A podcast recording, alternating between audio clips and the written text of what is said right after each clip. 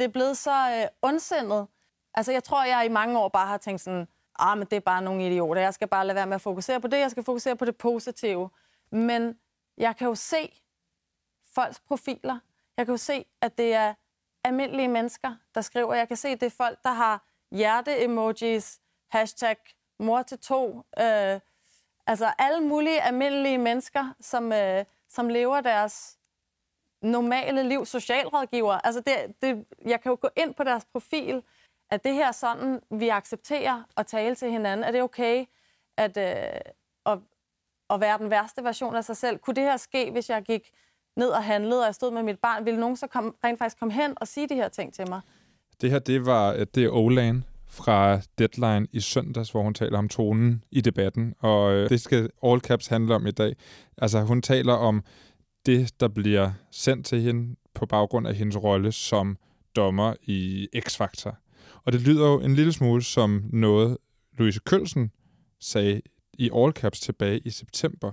Der sagde hun nemlig sådan her. Jeg har helt klart fået min del af had på nettet. Øhm, alt fra, at nogen synes, at jeg er inkompetent, jeg er en dum lud, og man ikke kan høre på, hvad jeg siger, når jeg har sådan en røv, til øh, dick pics og øh, måske sådan mere grove beskeder. Men jeg har aldrig oplevet noget så voldsomt som det her. Jeg tror, det, der sker, når man er i den offentlige debat, især som kvinde og eller som en eller anden form for minoritet, det er, at man opbygger sådan et følelsesskjold, mm. som desværre er nødvendigt for at kunne være en del af det her. Men lige den her besked om, vi kommer og voldtager dig, den gik altså direkte igennem mit følelsesskjold. Og det tror jeg, den gjorde, fordi at de andre ting, jeg har skulle deal med, har jeg ligesom kunne forklare som, der er nogen, der er provokeret, fordi jeg udfordrer deres verdensbillede, eller det er måske en, en 13-årig, der ikke helt forstår, hvad han, hun skriver. Men den her besked, den var bare så, altså intentionen om at være ond, og intentionen om at skabe frygt hos mig, var så tydelig. Der var ikke nogen misforståelser. Det her, det var, altså det var for at lukke munden på mig, og det gjorde mig bare rasende. Mm. Det var øh, Louise Kølsen tilbage i All Caps, øh, som taler om denne her dokumentar, øh, Hvem vil voldtage Louise Kølsen. Øh, Marie Høst, du har jo også været på Loud på programmet Via Data, som også produceres her fra Enigma. Når man hører de her to klip, vi lige har hørt, så er der jo ikke nogen øh, tvivl om, at det ikke er rart for dem at deltage i den offentlige debat på Facebook, vel? Nej, virkelig, virkelig ikke. Jeg er imponeret over, at, øh, at de stadig gør det på en eller anden måde. Eller det var så det, Oland også meldte ud, at det ville hun simpelthen ikke gøre længere. Jeg kan godt forstå, at hun, øh, at der er en kæmpe surrealisme i det her med at sidde og kigge på de her kommentarer, og så klikke ind på nogle profiler, og så se, det er helt almindelige mennesker på en eller anden måde, der skriver det her. Øh, det er sådan en, øh, det er sådan en mærkelig øh, dark side af nogle mennesker, som man, som man simpelthen har svært ved at forstå lige meget, hvor meget man prøver at få det til at give mening. Ikke? Øhm, og det er jo også, som vi to også har talt om, en af grundene til, at vi deltager jo ikke rigtigt i debatter. Nej, for det skulle jeg til at spørge om, hvor, hvor, tit, hvor tit er du inde og lige komme med din mening om et eller andet på en kommentar på et kommentarspor på Facebook? Jamen altså aldrig. Ja. Altså hvis mindre det handler om, at nogen spørger om et eller andet råd til et eller andet meget konkret, så vil jeg gerne byde ind. Men når det er noget holdningsbaseret, så må jeg indrømme, at det har, jeg har simpelthen ikke lyst til det. Jeg synes, det bliver for grumt, og jeg er alt for følsom til de der kommentarer, der kommer tilbage. En, en undersøgelse lavet for uh, Digital Ansvar siger faktisk, at uh, 69 procent oplyser, at deres adfærd på nettet påvirkes blandt andet på grund af den hårde tone og frygt for misbrug og chikane og sådan nogle ting her. Ja, det er lidt vildt på en eller anden måde, når man får det på tal. Men på den anden side, så, så kan jeg jo netop også bare mærke på min egen krop, at det er sådan lidt, og som Louise Kjølsen også beskriver, skal man have meget hård hud? Er det det, der kræves af mm. os? Jeg har det sådan lidt, jeg, jeg, vil, jeg vil have lov til at synes, at det er sårende og blive ked af det hvis nogen skriver noget virkelig grimt til mig. Så derfor så, så, så vælger man det jo også fra. Ja, og øh, grund til, at vi snakker om det, er jo fordi, at vi igen, igen, igen skal have den her diskussion i all caps. Og det er som om, at det er sådan en tilbagevendende ting, at det er en gang hver, hver måned, jamen så taler vi om tonen på sociale medier. Jamen heldigvis, fordi det er jo helt vildt vigtigt at snakke om, har jeg lyst til at sige. Det er jo ikke, det er jo ikke noget, vi bare skal lade være. Og, og det der med at komme med bud på, hvad, hvad i alverden man skal stille op, ja. eller i det mindste diskutere det, det synes jeg, der er super vigtigt. Ja, jeg er i virkeligheden blevet sådan lidt tonen i debatten, at den, det, det, den vending, eller det begreb tonen, er blevet sådan lidt, øh, man, det bliver man egentlig også lidt træt af, fordi det lyder sådan lidt formanen øh, skolelærerindeagtigt, pas på tonen, unge mand, ikke? I stedet for, at det er jo, altså lad os kalde det, hvad det er, det er jo folk, der tror og sviner og øh, er racistiske og kvindefjendske og whatever, øh, ond mod handicappet på nettet. Jamen, og det der, der, der bliver det også lidt interessant, når man begynder sådan at, at motivforske lidt i det, fordi det er sådan, øh, som Oland beskriver, hun går ind på helt almindelige menneskers sites, og så er det mennesker, der taler sindssygt grimt til hende også. Ja. Er det så, er det så platformens skyld? Altså er det da så de sociale medier, der gør, at man bliver så grum og forfærdelig ved hinanden, fordi man har en lille bitte øh, tekstboks til at, at beskrive hele sit menneskesyn i, har jeg lyst til at sige. Nå, jamen altså, det, vi, vi sidder jo gerne og udtaler os i en podcast, for eksempel. Det er ikke noget problem med, fordi jeg kan mærke, at vi to har tid til at have en relativt nuanceret samtale.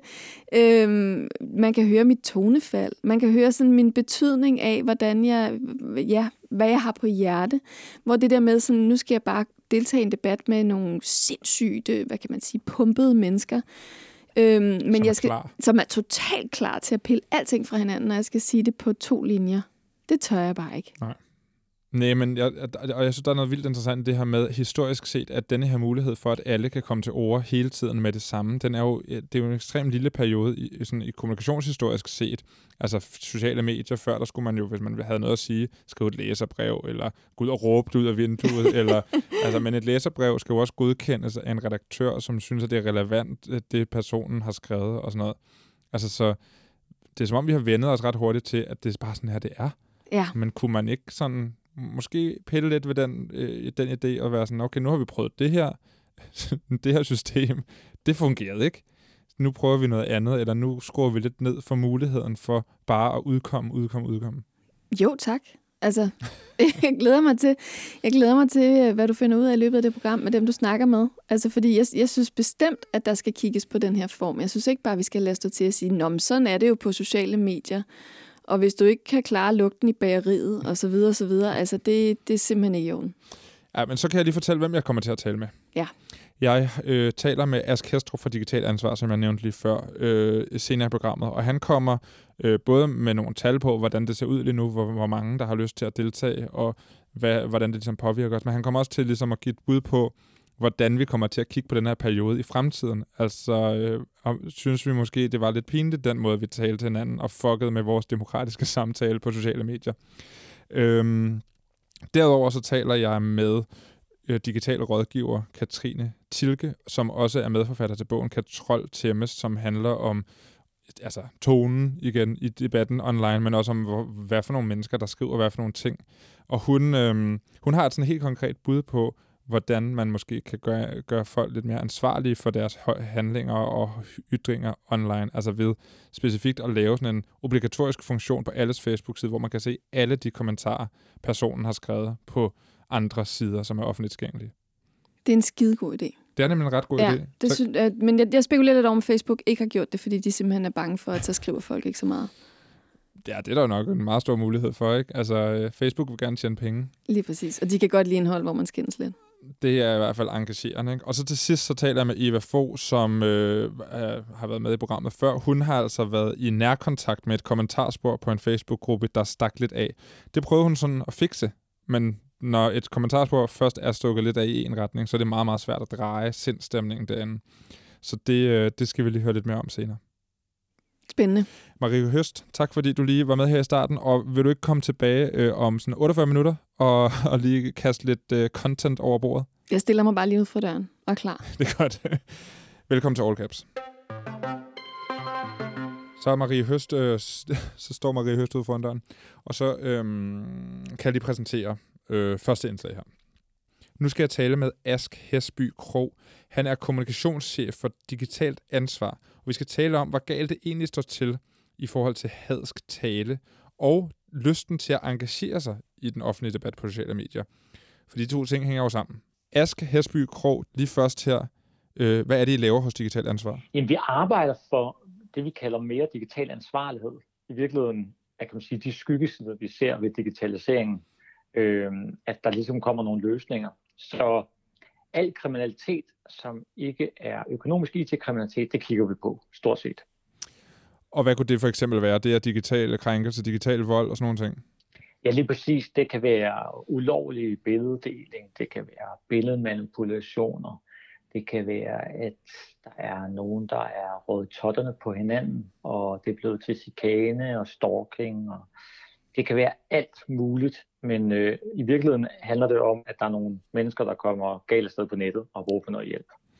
Og en af de ting, øh, som har været meget oppe lige her på det sidste, og som hele tiden er sådan tilbagevendende emne, det er jo det her med øh, tonen på nettet og de modbydelige kommentarer, øh, den, den ondsindede stemning, der nogle gange kan være på et kommentarspor. Og øh, altså, er det bare mig, eller er folk blevet mere modbydelige i kommentarsfelterne på Facebook og andre sociale medier, som det sidste år under den her corona? Jeg ved ikke om, altså corona kan have, få skylden for meget, men skal corona også have skylden for, at vi måske er blevet lidt mere ondsindede på sociale medier, tror du?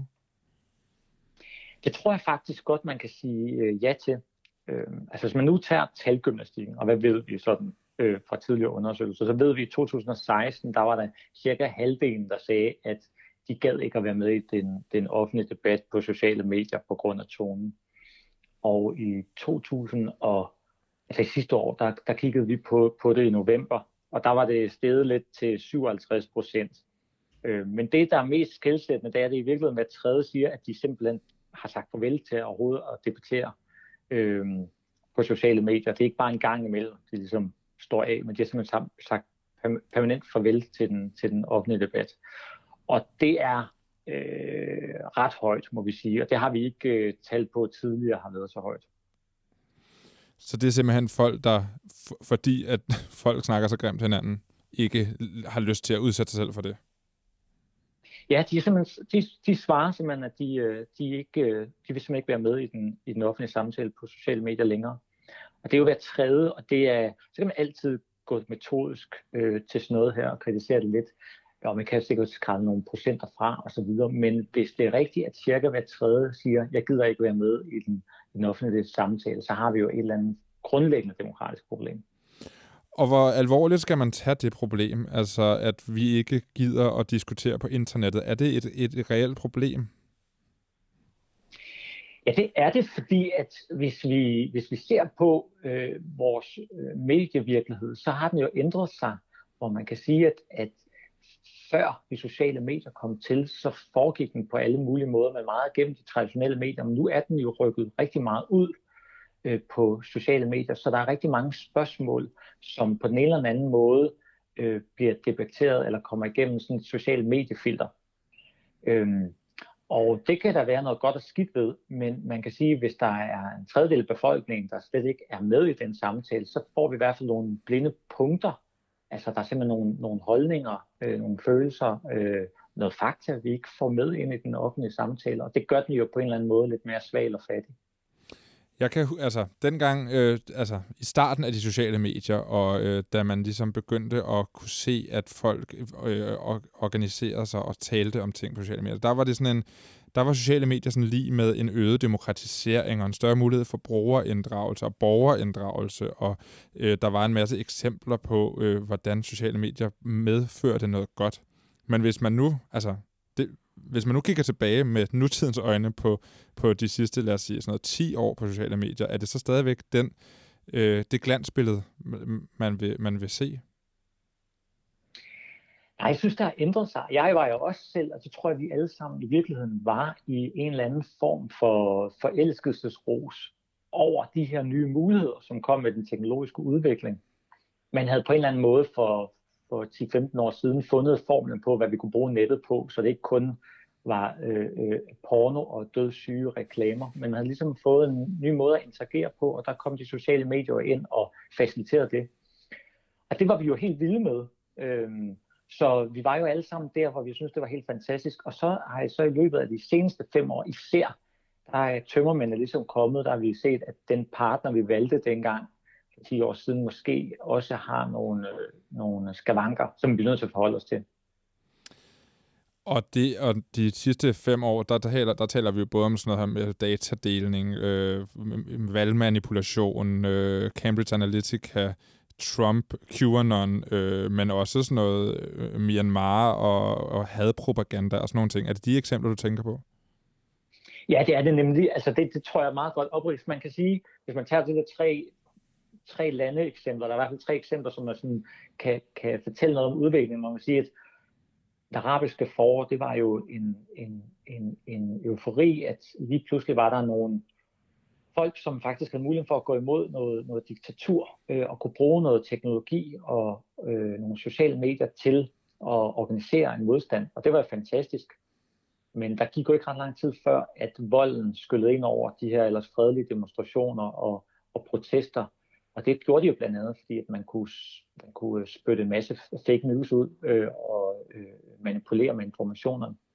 Så man kan sige, det var også et, det var et tegn på, at, at, at, at der var nogle gode ting, men der var også nogle, øh, nogle, nogle huller i forhold til, at det kunne blive en stabil demokratisk proces. Og Myanmar er også et godt eksempel, synes jeg, fordi at man har et, et, et, et folk, som har været lukket fuldstændig nede i militærstyre, og så har man en demokra- demokratiseringsproces, hvor, hvor, hvor folk lige pludselig får mulighed for at kommunikere hin- til hinanden primært øh, via Facebook, men hvor militærstyret også hurtigt overtager det, eller manipulerer med det, og spytter en masse øh, nyheder ud, og opfordrer i virkeligheden til overgreb på den muslimske befolkning i nord, som jo decideret resulterer i, i etniske udrensninger. Og så har vi USA som det seneste, som det, kan man sige, det mest vilde eksempel i Vesten, fordi det store demokrati, som vi på en eller anden måde har, har været vores storebror på godt og ondt, øh, lige pludselig blev væsentligt udfordret af en præsident, men også i høj grad af, af de sociale medier, som, som, øh, som spillede en, øh, en vigtig rolle i forhold til øh, valget af Trump og i forhold til hans muligheder for at agere og, og forholde sig til fakta. Så øh, altså, udover de sådan meget demokratiske konsekvenser, øh, som det her jo selvfølgelig har, så har det jo også de her, som vi taler om i dagens program, de personlige konsekvenser, som jo er øh, folk, der, der, der, der løbende får nogle beskeder, som er meget, meget ubehagelige for dem. Og vi så så sent som i altså, sidste uge, Oland og e- hele, øh, hele holdet omkring X-Factor gå ud og sige, at, øh, at nu var nok nok. Hun fik trusler Oland, og deltagerne blev svinet til. Der var nogen, der var glade for at blive stemt hjem, fordi de simpelthen kunne overskue tonen længere.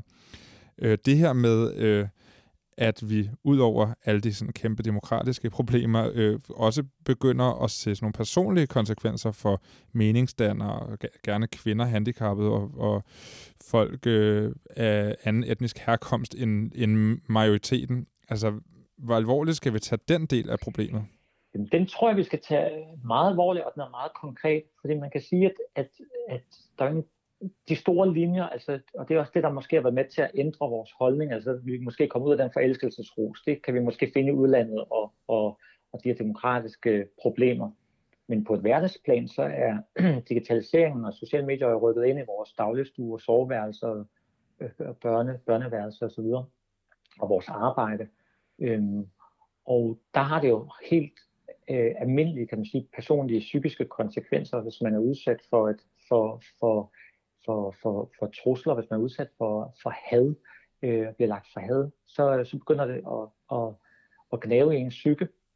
Øh, og det ved vi også i forhold til, at vi er godt beskyttet på arbejdsmarkedet. Det skal vi være, fordi vi har noget psykisk arbejdsmiljø. Det skal, det skal vi være godt beskyttet på. Men, øh, men vi glemmer det måske lidt også nogle gange i det private. At, øh, at man skal også have lov til at kunne, øh, kunne øh, kunne leve frit og skulle kunne være sammen med sine børn og sin, øh, sin kæreste og alt muligt andet, uden at skulle være nervøs for, for trusler og sådan.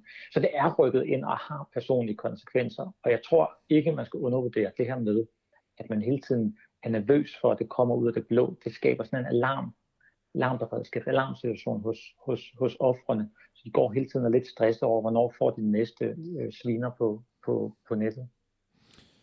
Og altså, løsningen på den her er jo svær, men jeg har sådan en, altså, jeg føler nogle gange, at, at, at den her tanke om, at alt skal, der skal være brugerinddragelse i alt, og man, vi skal spørge, hvad, hvad mener folk på Facebook om ting og sager, er jo noget af det, der fører med til, at, at vi ser folk gå lidt amok i kommentarsporene. Jeg tror ikke, at vi på et tidspunkt begynder at se en modreaktion på det her, og øh, i stedet for, at alt skal være op til diskussion, og alt skal øh, være brugerinddragelse på Facebook, begynder at skrue en lille smule ned for det? Eller bør vi i det mindste gøre det?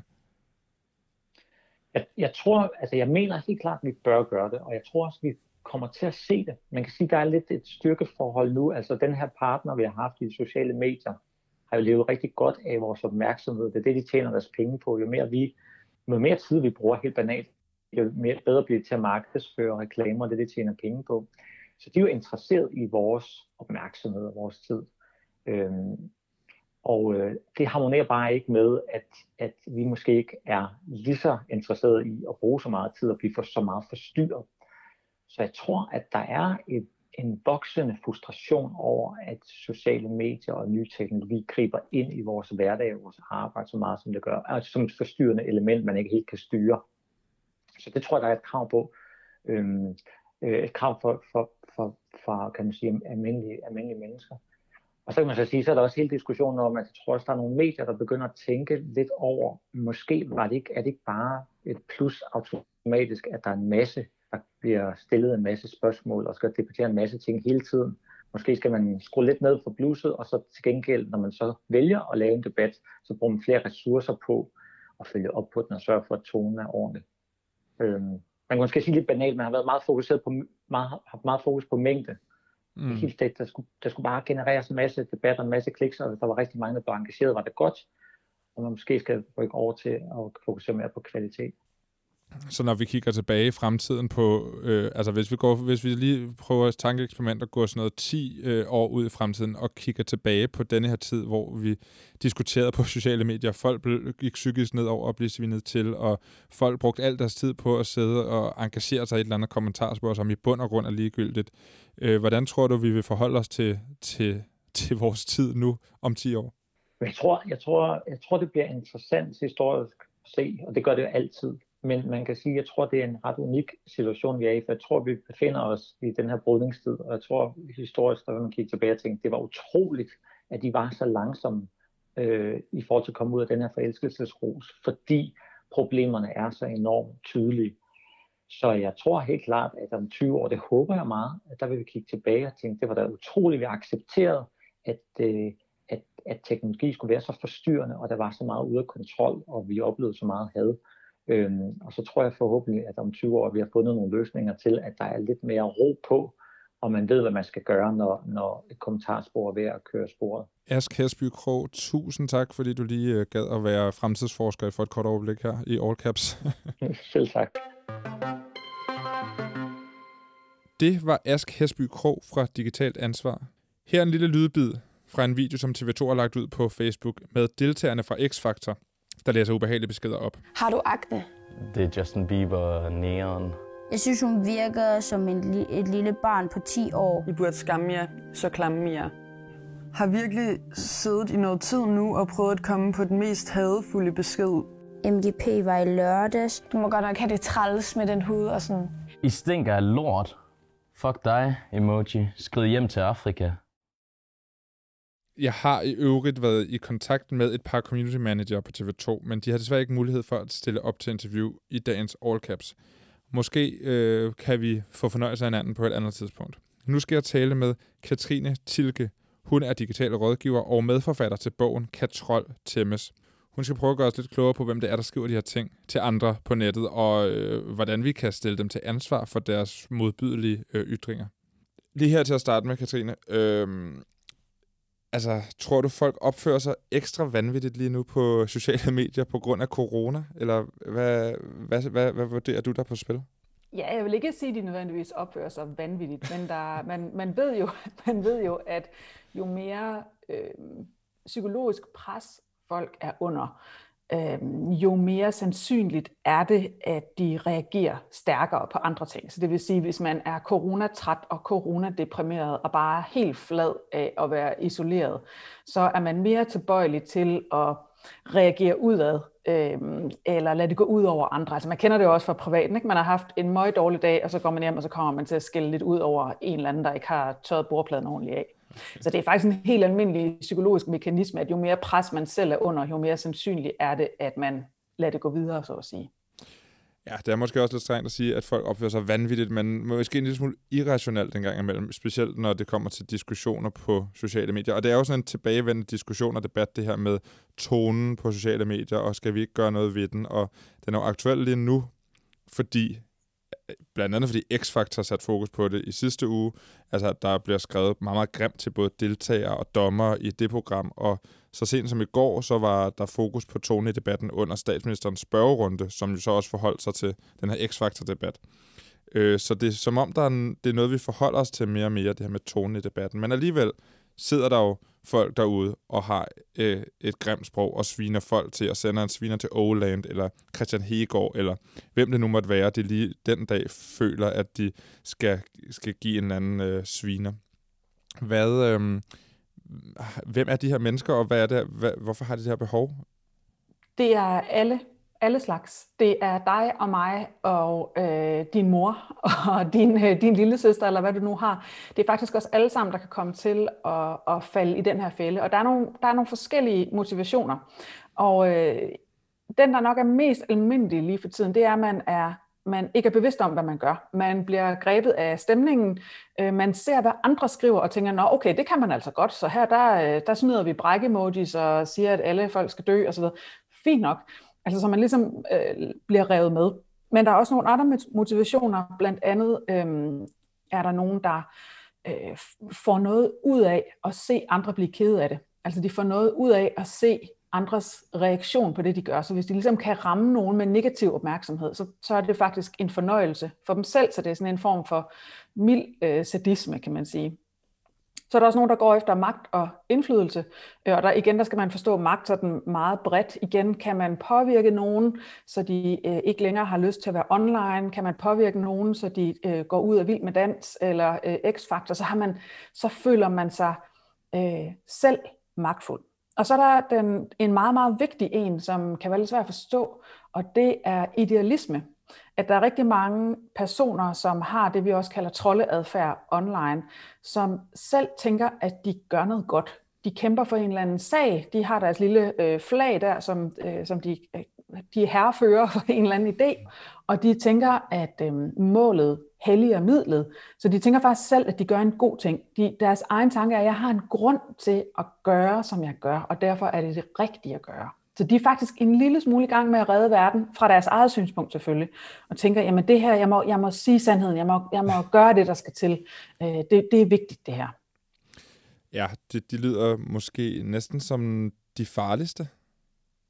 Ja, det er det også, fordi de er meget overbevist om, at de har ret, mm. og at det også er deres ret at sige, som de gør, uden tanke for konsekvenserne for dem, de taler til. Så det kan være for eksempel, at man har en meget stærk holdning til øh, homoseksuelle, og så tænker man, jeg må jo simpelthen give min mening til kende over for øh, dem, der øh, er homoseksuelle, og ligesom sige, jamen, det skal du ikke være, eller hvad det, hvad det nu har lyst til at sige. At de, øh, igen, de tænker, at øh, deres personlige mål helliger midlet, og tænker derfor ikke for, hvad det betyder i en større sammenhæng.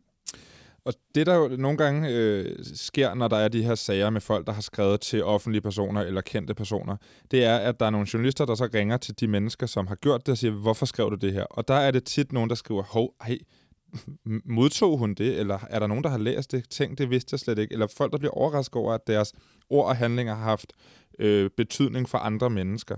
Og, og på din blog, der skriver du om, om det her øh, teknisk og social øh, ansvarliggørelse. Altså, at man på en eller anden måde skal vi skal uddannes til, at, at det, det, vi gør på nettet, ikke bare forsvinder ud i internettets intethed, men i, i virkeligheden øh, ender et sted. Øh, kan du ikke sige lidt mere om det?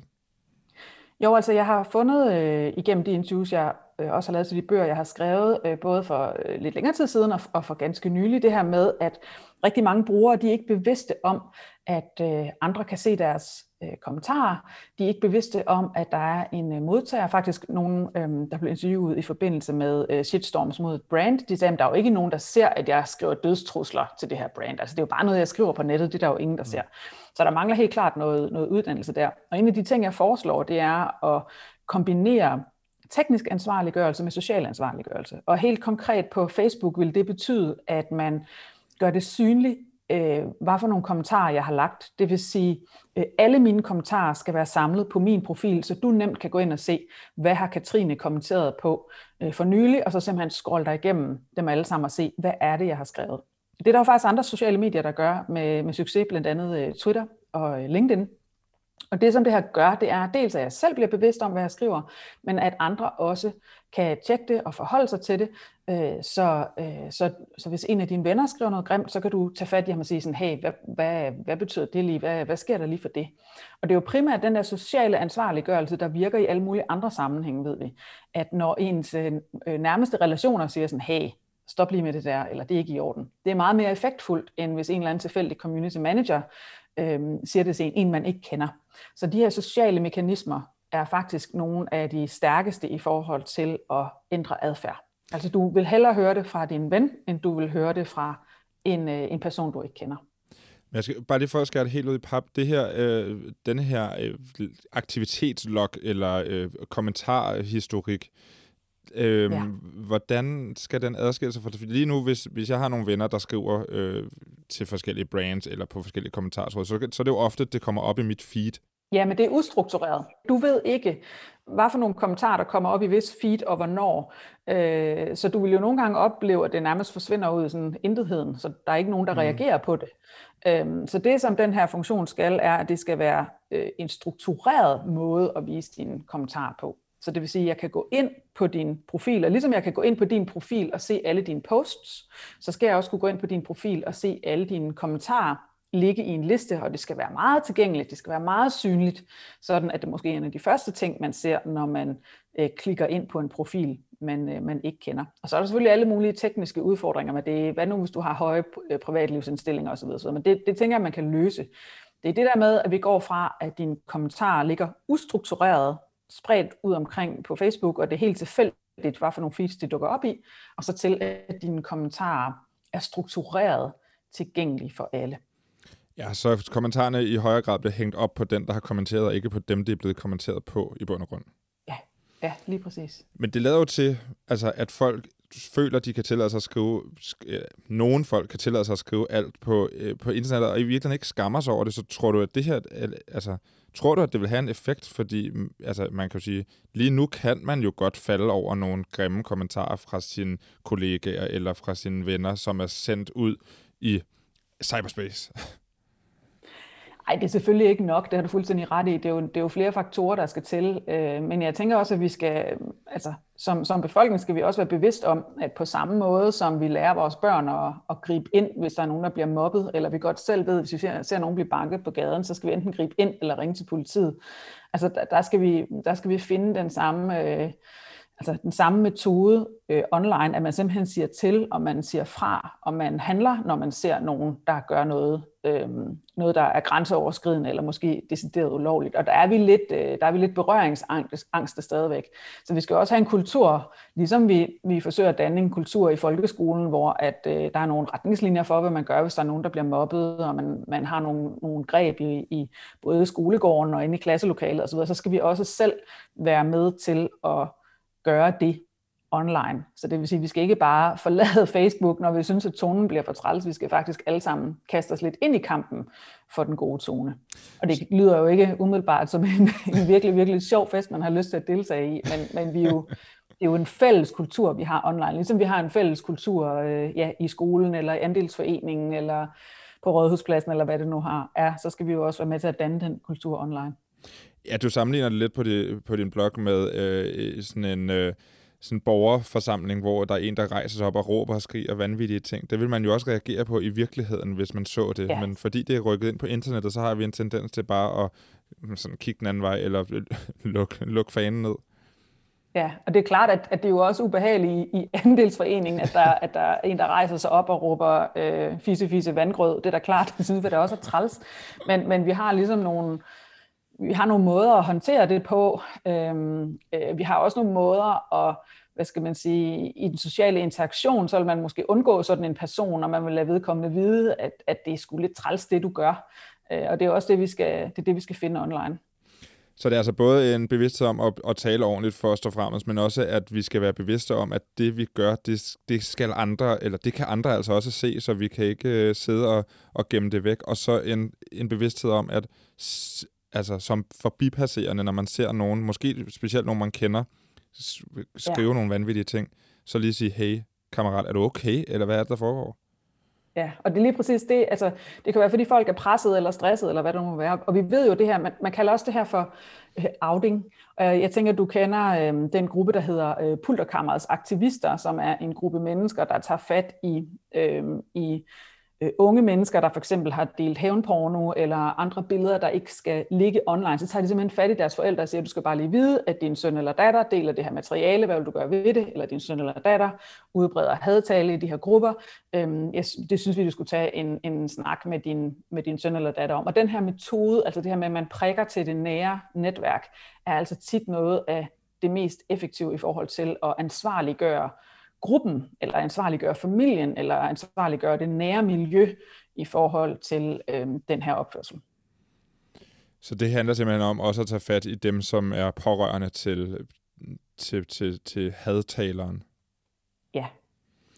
Nu når vi er i gang med denne her øh, aktivitetslog, det er jo sådan en teknisk, øh, et teknisk ønske til Facebooks øh, platform, ikke? Øh, som jo måske, øh, der er lidt langt til Zuckerberg lige herfra, men nu når vi er i gang med at ønske, øh, ja. så, så tænker jeg, at sådan en funktion som... Øh, øh, altså man kunne kalde den tæl til 10 øh, funktionen, som hedder, du kan først poste noget, øh, når der er nogen, der ligesom har set det igennem, eller du lige har talt til 10, eller du øh, på en eller anden måde har vist, at dit sind ikke er i kog, når du skriver det her. Altså, kunne man ikke forestille sig en eller anden teknisk løsning, som, det ved jeg jo, at man har gjort før, altså inde på blogs og inde på øh, kommentarfelter før sociale medier på, på hjemmesider, altså at man lige øh, skulle godkende et post, før det blev offentliggjort?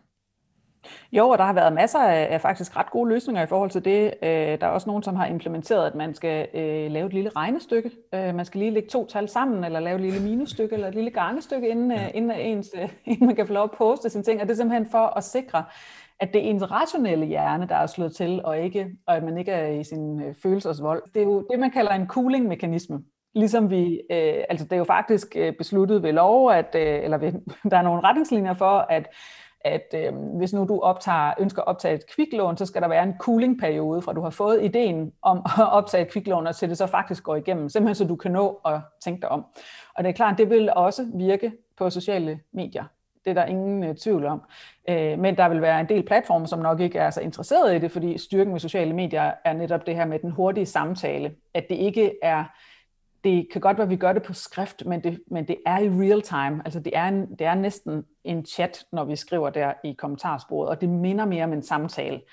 Det vil jo svare til, at, at du og jeg i den her snak, vi har nu, hvis du spørger mig om noget, så skal der lige gå 10 sekunder, inden jeg svarer.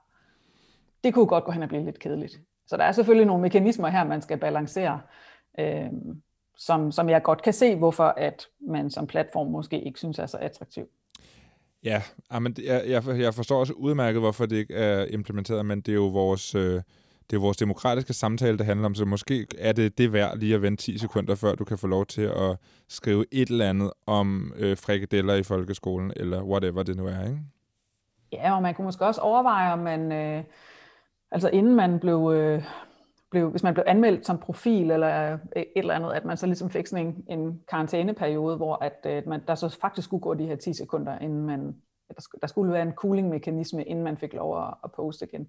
Men det er en enorm svær balance, og det er, jo, det er jo derfor, at der både skal være nogle, der skal både være noget teknisk, men der skal også være noget socialt og noget kulturelt, og så skal vi også have nogle øh, gode rollemodeller, der viser, hvordan det skal gøres, øhm, og vi skal sørge for, at der på de store sider er øh, altså god community management, at man sørger for, at de her tråde, hvor det går helt galt, at man bare sidder på det øh, som ejer af tråden, at man simpelthen sørger for at reagere, når, der, når, det går, øh, når det går galt, altså reagere, når folk begynder at komme med de her kommentarer, så de er meget hurtigt for at vide, at det ikke er at det ikke er sådan, man, man opfører sig. Det, det er tit det, der går galt, ikke? så ruller det, så er der lige pludselig tusind kommentarer, og, og community manager kan slet ikke nå at følge med. Øhm, og vi ved jo, at, at adfærd det smitter. Hvis man ser nogen øh, kaste op i kommentarsporet, så tænker man, nå nå, det må man godt. Altså man er ikke bevidst om det, men, men, men adfærd smitter. Ja. Tusind tak, fordi du gad at være med. Selvfølgelig.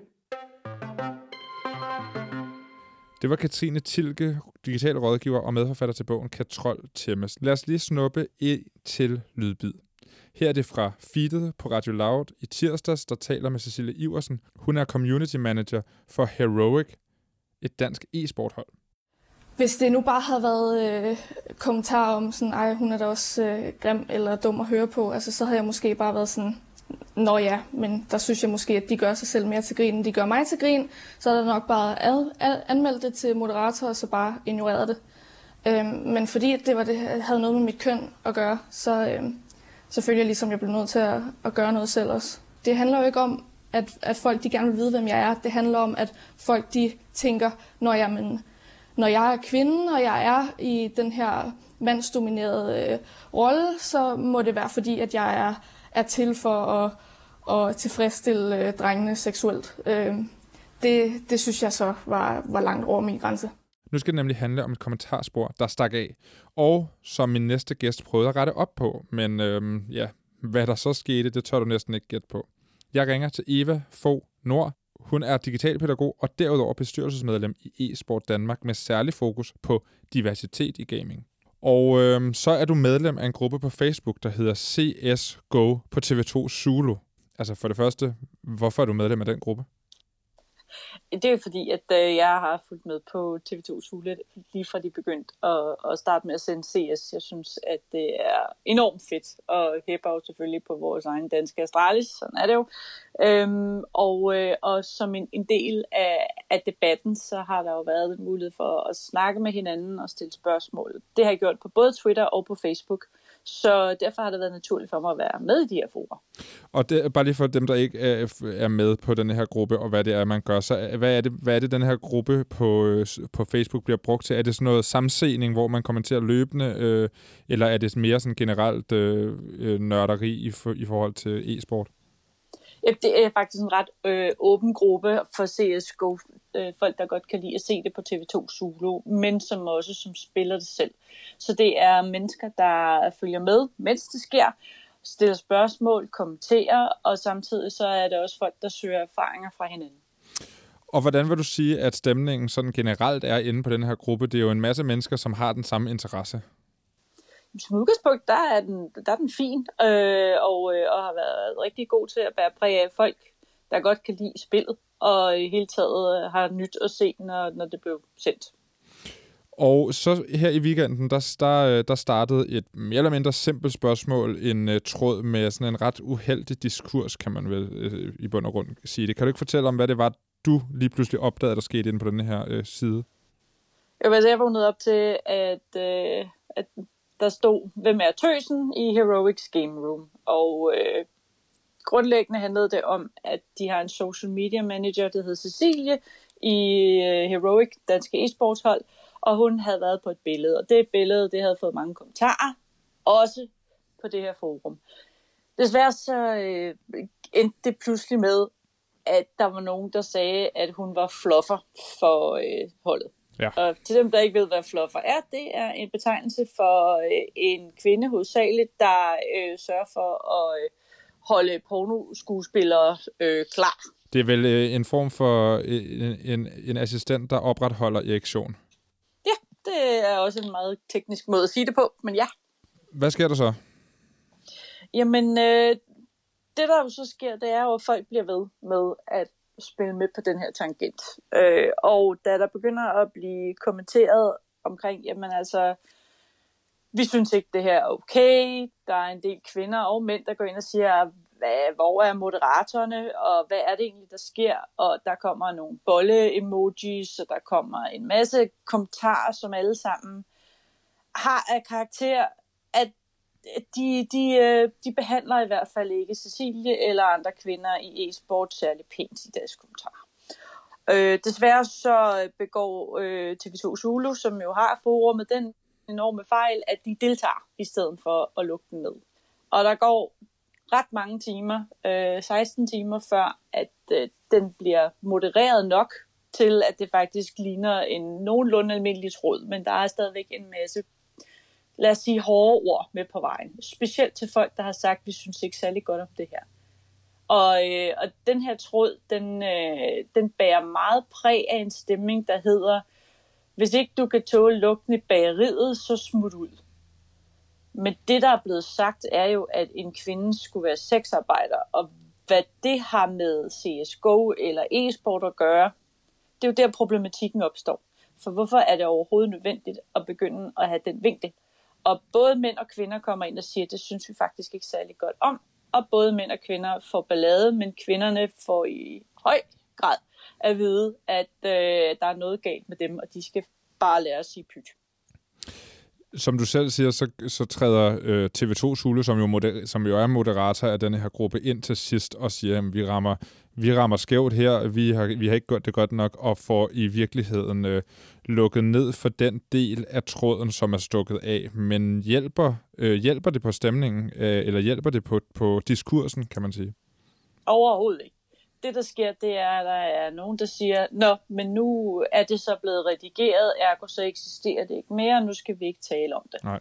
Men rigtig mange mennesker, mig selv inklusiv, har siddet og set på det her ja, totalt sammenstød, og har set, hvilket problem det vidner om, fordi det er jo øh, et, et ret tydeligt bevis på den diskurs, der ligger inden for rigtig mange ting omkring blandt andet køn og hvem der gamer. Og, øh, og jeg lavede som, som følge af, af, af det, jeg havde set, og mit arbejde i Sport Danmark, en artikel, som jeg efter trådstarterens ønske faktisk, han havde fået rigtig meget ballade, og folk havde troet, det var ham, det lige pludselig var galt med. Jeg lagde den op, og jeg endte jo med at få så mange kommentarer. Der var så meget i efter manden og ikke bolden, Mm. Øhm, at altså det bare, var, lige for, bare lige for at forstå, at du laver et nyt post inde på gruppen her, med et blogpost, ja. du har skrevet om episoden i bund og grund, ikke? Yep. Ja. Nemlig fordi, at den øh, person, der egentlig oprindeligt spurgte, hvem tøsen var, han havde fået så meget ballade ja. i den anden.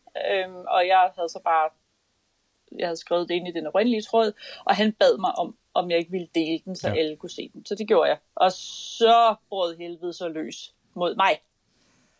Ja, for så er det lige pludselig altså, dig, der er øh, opmærksomhedssøgende, øh, kan, prøver at lukrere på, på andres ulykke, og bare gerne vil have klik til din hjemmeside, og i øvrigt bare skal hisse dig ned, ikke? Jo, basically, eller at lære at hækle.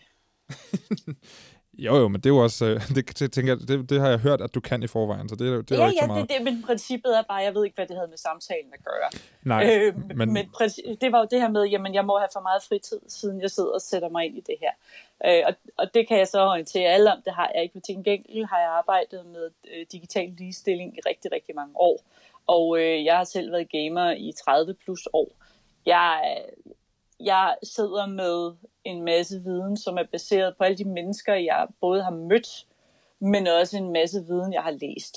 Så det er ikke bare Eva, der satte sig over et hjørne. Jeg udtalte mig officielt på vegne af eSport Danmark, men det blev set som Eva, der står og mm. åbenbart har behov for opmærksomhed.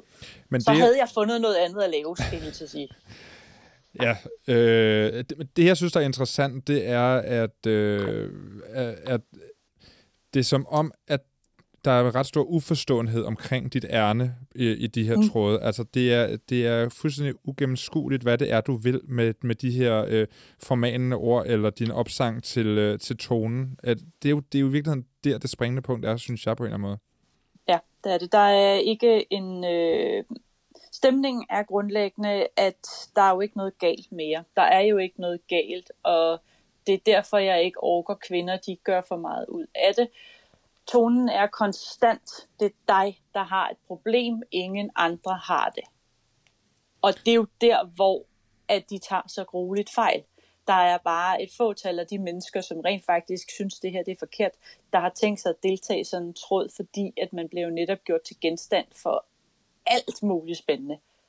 Så man udtaler sig jo ikke om det, fordi at, jamen, jeg ved, hvad der sker med tonen på internettet. Og det er jo så der, hvor jeg tillader mig at stille mig op og, øh, og besvare og øh, forsøge at fortælle om det indtil et vis grad, og så gider jeg jo ikke bruge mit liv mere på det. Nu ved jeg godt, at du er professionel, og du taler, udtaler dig officielt øh, på, bag, øh, på baggrund af din, af din titel som bestyrelsesmedlem på e-sport Danmark, men altså går det ind og påvirker dig alligevel de her ting her, fordi tonen og det her med hele tiden at få skudt noget i skoene, kan jo godt, sætter sig jo uanset hvor officielt man nu end er. Ja, selvfølgelig. Det rammer mig. Jeg øh, hvad hedder det, var meget udmattet i de dage. Øh, igen, jeg, det er ikke, jeg har kæmpet øh, med, med ligestilling og, og digital i mange, mange år, så det er ikke første gang, jeg oplever noget, der ligner det her. Men hver gang, så skal man virkelig tage en dyb vejrtrækning og finde ud af, hvor langt vil jeg gå. Jeg er heldigvis erfaren nok, gammel nok til, at, at jeg kan stoppe mm. igen. Men jeg ved jo også, specielt når, når det kommer til, til flere unge mennesker, eller mennesker, der ikke har været i forbindelse med den slags, jeg nærmest kalde det hate, det er jo dybt udmattende, og, øh, og man kan meget nemt tage det personligt på sig. Det er jeg virkelig glad for, at jeg ikke gør. Men øh, det havde jeg gjort, hvis det havde været for 10 år siden men der havde jeg så heller ikke turde sige noget. Men nu siger du, at du har arbejdet med det her rigtig mange år, ikke? Og mm-hmm. så når, når vi kigger på den her tråd, og på den her gruppe, og på gaming generelt, nu har jeg talt om gaming i All Caps før, og tonen i gaming, også med uh, Christian Mogensen, som sidder mm. for Center for Digital Pædagogik, som jo også uh, peger på et kæmpe problem. Hvor langt er vi nået, eller er vi, for at sige det på en måde, er vi ikke stadigvæk ret langt fra målet? Øh, enormt, ja. enormt langt. Jeg sad og læste en artikel i dag om, øh, for TV2-nyhederne, hvor at vores statsminister er ude at sige, at det er forfærdeligt, at deltagerne fra X-Factor mm. får så meget hate. Det, jeg havde lyst til at skrive til hende, det var, det er det. Så skulle du se, hvad der sker, når man er i gamingmiljøet. Fordi at, at øh, der er ikke sat fokus nok på det. Der er ikke mennesker nok, der kigger på det. Og de mennesker, der så kigger, jamen rigtig mange af dem får jo så at vide, at, øh, at de tager fejl, og, og det er begrænset, hvor mange gange man kan holde ud, at folk bliver ved med at forsøge at modbevise en. Selvom man har ret, og selvom ens øh, fornemmelse eller ens viden er rigtig. Og nu er du jo, øh, som vi har understreget flere gange, professionel.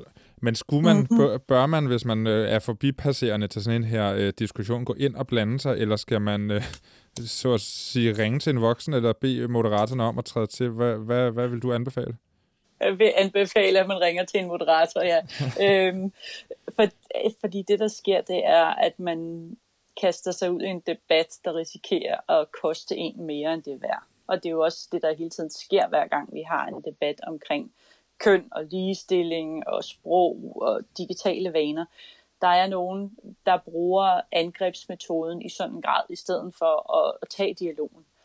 Og det er igen begrænset, hvor meget man kan holde til, og hvor meget man egentlig skal udsætte sig selv for.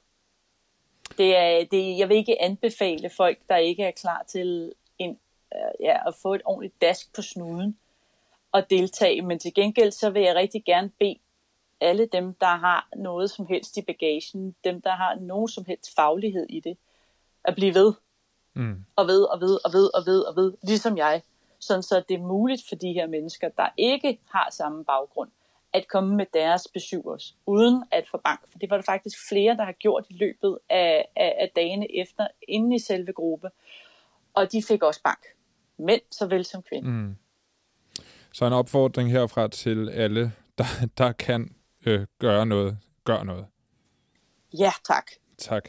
Og tak, øh, fordi du gad at komme med den opfordring her, Eva Fo Nord. Det var digital pædagog og medlem af eSport Danmark, Eva Fogh Nord. Lad os lige prøve at høre et lille klip. Det her det er Mette Frederiksen, der i denne her uge spørgetime forholder sig til tonen på sociale medier og X-Factor. Ja, det er en ualmindelig vigtig diskussion, og jeg sad også i fredags og så med, i hvert fald i, uh, på dele af X-Factor, og så, uh, kan man sige, både den diskussion, der har været omkring programmet, men også afslutningen, og det går lige så ondt på mig. Og jeg mener, det har taget overhånd. Jeg mener, det er kammet over den måde, vi diskuterer med hinanden på de sociale medier i Danmark, og det er, det er taget til. Marie Høst, øh, nu er vi kommet til sidste programmet, og vi skal uddele noget content, og jeg har bedt dig om at komme ind igen. Du har stået for en dør de sidste 48 minutter. det var så kedeligt. Du er vært på Via Data, som også er et Radio Loud-program, som optages herude på Enigma. Ja. Og øh, i den her uge, der har du talt om øh, NFT'er, Ja, og på... altså hvis jeg skal forklare det, så det ved jeg ikke, hvordan jeg skal gøre, men det er noget med, at man kan købe digitale kunstværker, men man ejer dem ikke rigtigt. Og man bliver nødt til at høre programmet for rigtig at forstå det. Det kan man ikke forklare på under 55 minutter? Nej, det kan man bare ikke. Nej. Så lyt til det. Jeg linker til det i beskrivelsen af podcasten. Det udkommer selvfølgelig først øh, på, på søndag, men altså, øh, nu skal vi lige her have delt noget, noget content ud. Øh, noget, som folk kan hygge sig med derhjemme, og, og som ikke er vores programmer. Ja. Hvad vil du gerne anbefale? Jamen, nu, nu hygge being the, the operative word, har jeg lyst til at sige, fordi der var masser af NFT-kunst, jeg ellers kunne nævne, men det tager vi i mit program, fordi det, som jeg bliver nødt til at nævne nu, og som jeg tror måske er lidt af en corona-boble-ting, men det er, at jeg er meget stor fan af den kok, der hedder Jotam Ottolenghi. Han, øh, jeg har en hel del af hans kogebøger, han, øh, han er meget, meget dygtig til at få grøntsager til både at se ud og smage fuldstændig vidunderligt. Så ved at behandle dem, give dem lige så meget kærlighed, som kød normalt får, ikke? Og så har han øh, nu, øh, nu har han givet noget kærlighed til sin Instagram-profil også. Så han står og laver det her. Altså, han er vild med auberginer, for eksempel. Jeg er også vild med auberginer. Ja. Det er mig og Otto Lengi til fælles. Så Otto Lengi er blevet sådan et begreb hjemme hos mig. at man Otto Lengi er noget. Sådan noget Otto Lengi ville have været stolt. Og det kan man, øh, man skal gå ind og tjekke ham, hans Insta ud, fordi det er bare, øh, det er bare nice. Altså. Det er sådan noget corona-forkælelse. Fuldstændig. Altså selv navnet er jo også sådan lidt lækkert Ja. smage på, ikke? jo, præcis. Præcis. Det er meget komfortagtigt, og så er det grønt også. Jeg vil gerne, f- øh, fordi vi talte i dit program om NFT'er, øh, så, og jeg jo er helt tosset med en digital kunstner, som hedder Jan Eriksen, som er øh, svensker og skaldet. Han laver, øh, nå, men det er sådan en gennemgående Ja, tema det lidt på det. en eller anden måde i hans, hans værker. Han laver sådan nogle videoinstallationer på sin Instagram-profil, og har nu også sat noget af det til salg, som de her NFT'er. Men altså, man kan se det gratis på hans Instagram-profil, og det er jo altså noget med at øh, gynge, gynge i blåt malertape og øh, klaske bananer ud på sin skaldede isse og springe ballonger med knive. Og, altså, det er en meget, meget fascinerende Instagram-profil, som ikke rigtig har noget formål, formål andet end bare at være sådan nogle underlige videoinstallationer. Det er kunst. Det er berigende. Det er kunst og humor, ja. og også lidt absurd og lidt uhyggeligt på, på, på samme tid. Ikke? Ja. ja. Så tjek ham ud. Tak, Marie. Selv tak. Det var All Caps i dag. Alt, hvad vi har talt om, øh, som jeg synes er relevant at sende jer videre til, har jeg linket til i beskrivelsen til podcasten. Der kan man jo gå på opdagelse, gå ind og lytte til nogle af de andre episoder, vi har lavet. Øh, abonner på programmet. All Caps er produceret på og af Enigma Museum for Post, Tele og Kommunikation. I redaktionen sidder Daniel Body, Marie Høst og mig. Jeg hedder Anton Gade Nielsen. Vi ses.